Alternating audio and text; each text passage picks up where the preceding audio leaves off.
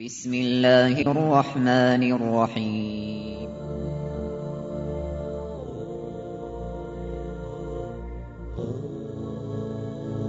الرحمن العزيز الرحيم القوي السلام الكريم العظيم البصير العليم الحكيم الجبار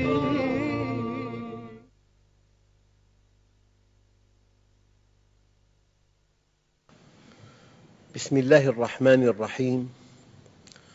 الحمد لله رب العالمين والصلاة والسلام على سيدنا محمد الصادق الوعد الأمين. اللهم أخرجنا من ظلمات الجهل والوهم إلى أنوار المعرفة والعلم ومن وحول الشهوات إلى جنات القربات.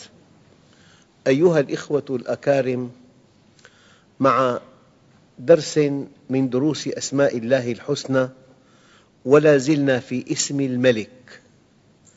وكلكم يعلم أن الأسماء أسماء الله عز وجل على أنواع. هناك اسم ذات وهناك اسم فعل وهناك اسم صفة. اسم ذات واسم صفة واسم فعل. فالملك اسم يدل على ذات الله. والملك اسم يدل على فعله. قال تعالى تبارك الذي بيده الملك. وقال بعض العلماء في قوله تعالى فسبحان الذي بيده ملكوت كل شيء. قالوا الملك ملك الأجسام والملكوت ملك النفوس. فالله سبحانه وتعالى رب العالمين يربي أجسامنا ويربي نفوسنا. يربي أجسامنا فيمدها بما تحتاج من طعام وشراب وهواء وما إلى ذلك. ويربي النفوس حينما تنحرف عن منهجه يسوق لها من الشدائد ما يحملها على طاعته. فسبحان الذي بيده ملكوت كل شيء وتبارك الذي بيده الملك. أيها الأخوة من لوازم الملك العلو. فتعالى الله الملك الحق من لوازم الملك العلو. الآية الكريمة فتعالى الله الملك الحق ومن لوازم الملك الاستواء. الرحمن على العرش استوى. لكن الموضوع الدقيق في هذا اللقاء الطيب أن الملك هو المالك والمملك مالك ومملك. فالله عز وجل يعطيك الصحة والصحة تملك يعطيك القوة القوة تملك. رجل من علماء الشام عاش ستا وتسعين عاماً. وهو في أتم صحته. منتصب القامة حاد البصر مرهف السمع أسنانه في فمه. فكان إذا سئل يا سيدي ما هذه الصحة التي حباك الله بها؟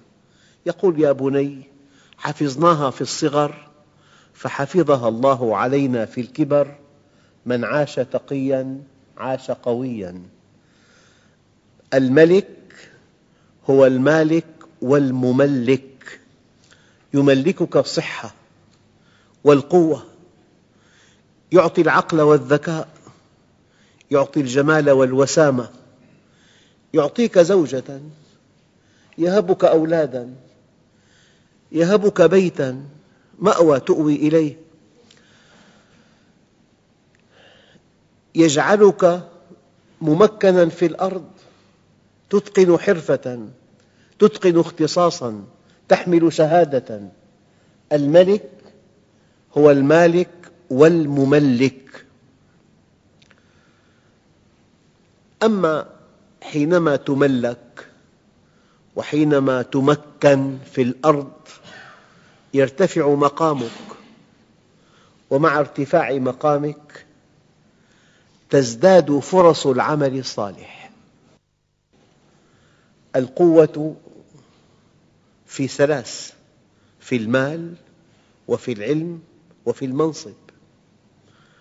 أنت أحياناً إذا كنت في منصب رفيع بجرة قلم تحق حقاً وتبطل باطلاً تقر معروفاً وتزيل منكراً بجرة قلم. وإذا كنت عالماً قد يسعد الناس بعلمك وإذا كنت غنياً قد يسعد الناس بمالك. فإذا مكنك في الأرض أعطاك القوة أو أعطاك المال أو أعطاك العلم عندئذ تزداد فرص العمل الصالح أمامك. وعندئذ تزداد مسؤوليتك. فكل إنسان ممكن في الأرض. إن أحسن فله أجران أجر إحسانه وأجر من اقتدى به. وكل إنسان ممكن في الأرض إذا أساء عليه وزران وزره ووزر من قلده. إذا الملك هو المالك والمملك. لذلك سيدنا عمر بن عبد العزيز دخلت عليه زوجته فاطمة بنت عبد الملك رأته يبكي في مصلاه. قالت له ما لك تبكي؟ قال دعيني وشأني. فلما ألحت عليه قال لها ويحك يا فاطمة إني وليت أمر هذه الأمة فرأيت المريض الضائع والفقير الجائع والشيخ الكبير والأرملة الوحيدة وذا العيال الكثير والرزق القليل. والأسير والمظلوم في أطراف العباد فعلمت أن الله سيسألني عنهم جميعاً وأن خصمي دونهم رسول الله فخفت ألا تثبت حجتي فلهذا أبكي. سيدنا عمر بن الخطاب رضي الله عنه سأل والياً ماذا تفعل إذا جاءك الناس بسارق أو ناهب؟ فأجابه الإجابة الشرعية قال أقطع يده. قال فإن جاءني من رعيتك من هو جائع أو عاطل فسأقطع يدك. إن الله قد استخلفنا عن خلقه لنسد جوعتهم ونستر عورتهم ونوفر لهم حرفتهم. فإن وفينا لهم ذلك تقاضيناهم شكرها. إن هذه الأيدي خلقت لتعمل فإذا لم تجد في الطاعة عملاً التمست في المعصية أعمالاً فاشغلها بالطاعة قبل أن تشغلك بالمعصية. أيها الأخوة هناك تساؤل.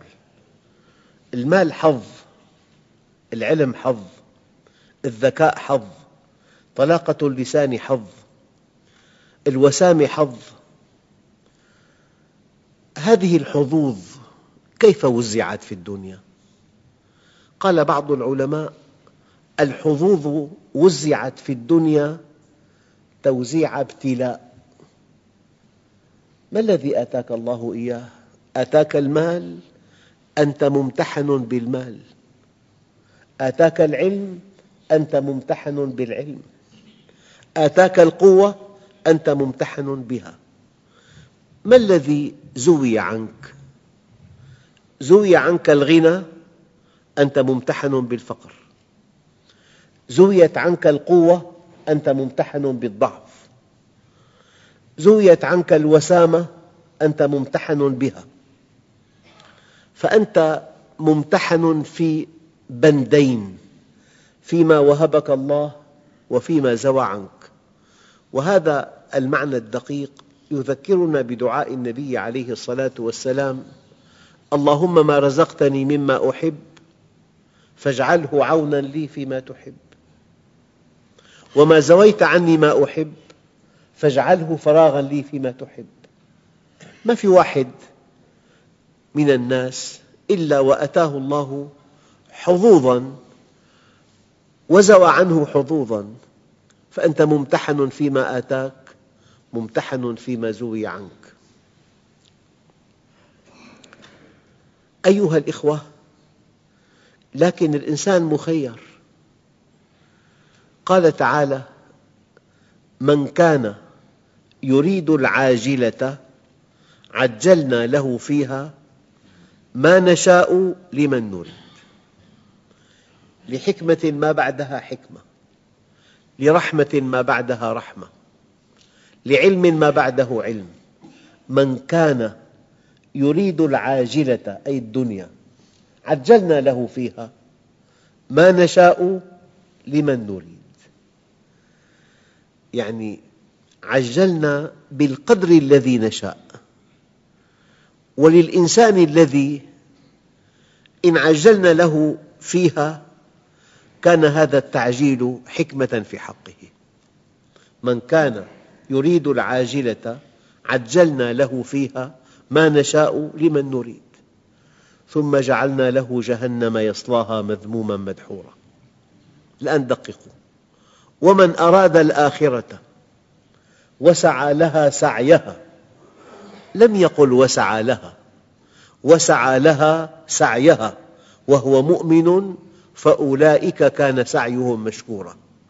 الآن كقانون كسنة من سنن الله عز وجل كلا نمد هؤلاء وهؤلاء من عطاء ربك وما كان عطاء ربك محظورا. أنت مخير. الشيء الذي تصدق في طلبه تناله. الشيء الذي تصدق في طلبه تناله. ما أنت فيه صدقك. وما لست فيه تمنياتك. الله عز وجل لا يتعامل أبدا مع عباده بالتمنيات. ليس بأمانيكم ولا أماني أهل الكتاب. يتعامل مع الصدق. أي شيء تطلبه من الله بصدق وتدفع ثمنه يؤتيك الله إياه. قال بعض المفكرين إن القرار الذي يتخذه الإنسان في شأن مصيره قلما تنقضه الأيام إذا كان صادراً حقاً عن إرادة وإيمان. اطلب ما تشاء من الله ولكن اطلب بصدق واطلب مع دفع الثمن. ومن أراد الآخرة وسعى لها سعيها. لم يقل وسعى لها وسعى لها سعيها السعي الذي تستحقه يا أيها الذين آمنوا اتقوا الله حق تقاته. حق تقاته أن تطيعه فلا تعصيه أن تذكره فلا تنساه أن تشكره فلا تكفره. إذا الحظوظ في الدنيا موزعة توزيع ابتلاء. أنت ممتحن فيما أعطاك ممتحن فيما زوى عنك. دقق في هذه الآية. انظر كيف فضلنا بعضهم على بعض. يعني بائع متجول كتاجر كبير ممرض كجراح قلب معلم في قرية كأستاذ في الجامعة؟ انظر كيف فضلنا بعضهم على بعض. وللآخرة أكبر درجات وأكبر تفضيلا. أين بطولتك؟ أن تحقق نجاحاً في الدنيا يأتي الموت ينهي هذا النجاح؟ أم أن تحقق نجاحاً في الآخرة؟ حظوظ الدنيا موزعة في الدنيا توزيع ابتلاء. وهذا التوزيع مؤقت. والتوزيع ينتهي بالموت. وهذا التوزيع قد لا يعني أنك عند الله متفوق. لأن الله يعطي الملك لمن يحب ولمن لا يحب. أعطى الملك لفرعون وهو لا يحبه. أعطى الملك لسليمان وهو يحبه. أعطى المال لقارون وهو لا يحبه. أعطى المال لعبد الرحمن بن عوف وهو يحبه. فحظوظ الدنيا لمن يحب ولمن لا يحب ولا تعني شيئا وقد تعني العكس. فلما نسوا ما ذكروا به فتحنا عليهم أبواب كل شيء. خذوها. الموت ينهي كل شيء. لكن حظوظ الآخرة تعني كل شيء. وهي أبدية سرمدية. لذلك أكبر خسارة أن تخسر الآخرة. قل إن الخاسرين الذين خسروا أنفسهم وأهليهم يوم القيامة. حظوظ الدنيا موزعة توزيع ابتلاء. هذه الحظوظ سوف توزع في الآخرة توزيع جزاء. توزيع جزاء. يعني قد يكون إنسان غني وفقير عاشا عمرا واحدا سبعين عام. الغني لم ينجح في امتحان الغنى فتاه على من حوله وأنفق ماله على لذائذه وحظوظه وحرمه من الفقراء والمساكين. والفقير نجح في امتحان الفقر. فصبر وتجمل. انتهت السبعون عاما ماتوا اثنين.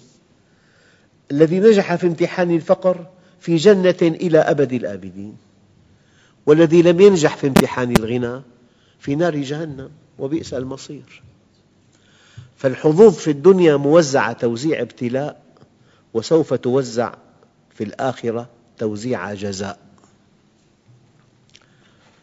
أيها الأخوة لحكمة بالغة بالغة جعل الله لكل شيء سببا فالأسباب تفضي إلى النتائج ولكن لئلا نتوهم أن السبب وحده خالق النتيجة.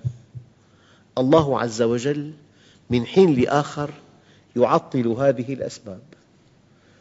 قد يجعلك قوياً وأنت ضعيف. وغنياً وأنت فقير. وقد يسلب الغنى من الغني فيغدو فقيراً وقد يسلب القوة من القوي فيغدو ضعيفاً. من هنا يجب أن نعتقد أن خالق النتائج هو الله. فالسيدة مريم أنجبت نبياً كريماً من دون زوج. ألغي السبب. وأحياناً يكون شابان قويان في أوج نشاطهما لا ينجبان. في سبب ما في نتيجة في نتيجة بلا سبب. لذلك لا تؤله الأسباب. العالم الغربي أخذ بالأسباب واعتمد عليها وألهها ونسي الله. وقع في الشرك. والمسلمون المقصرون في آخر الزمان لم يأخذوا بها إطلاقاً. وقعوا في المعصية. كلاهما على خطأ. يجب أن تأخذ بالأسباب وكأنها كل شيء ثم تتوكل على الله وكأنها ليست بشيء. هذا الموقف الدقيق هذا الموقف الحكيم. أن تأخذ بالأسباب وكأنها كل شيء ثم تتوكل على الله وكأنها ليست بشيء. أيها الأخوة ماذا قال الله عز وجل؟ مخاطبا نبيه قل لا أملك لكم ضرا ولا رشدا بل قل لهم لا أملك لنفسي نفعا ولا ضرا. فإذا كنت لا أملك لنفسي نفعا ولا ضرا فمن باب أولى أنني لا أملك لكم ضرا ولا رشدا. معنى ذلك الله الملك هو الذي يملك. الملك مالك مملك. الحظوظ الله عز وجل يملكك إياها. والحظوظ الله عز وجل يسلبها منك. هو الملك. أيها الأخوة الآن لا يليق بمن آمن بالله بأنه ملك أن يتذلل لمخلوق. لا يليق بمن آمن بالله أنه ملك أن يتضعضع أمام غني أو أمام قوي. من جلس إلى غني فتضعضع له ذهب ثلثا دينه. من جلس إلى غني فتضعضع له ذهب ثلثا دينه. قال بعضهم ما أجمل عطف الأغنياء على الفقراء؟ هناك أجمل من هذا. تيه الفقراء على الأغنياء ثقة بما عند الله. لا ينبغي للمؤمن أن يذل نفسه. اجعل لربك كل عزك. يستقر ويثبت. فإذا اعتززت بمن يموت فإن عزك ميت. أريد أن أصل معكم إلى التطبيقات العملية لإيمانك باسم الملك. قال إنا نخاف أن يفرط علينا أو أن يطغى. قال لا تخافا إنني معكما أسمع وأرى. لا تخافا. فرعون وراء سيدنا موسى ومن آمن معه من بني إسرائيل شرذمة قليلة فرعون بقوته بجبروته بحقده بأسلحته بفتكه ببطشه. وقال أصحاب موسى إنا لمدركون. قال كلا إن معي ربي سيهدين. إذا كنت مع الملك فأنت ملك. إذا آمنت بالملك أنه مالك مملك. لمجرد أن تتوهم أن أمرك بيد زيد أو عبيد أو بيد فلان أو علان سقطت في الشرك. فكيدوني جميعاً ثم لا تنظرون. إني توكلت على الله ربي وربكم. ما من دابة إلا هو آخذ بناصيتها. إن ربي على صراط مستقيم. ما من دابة إلا هو آخذ بناصيتها. إن ربي على صراط مستقيم.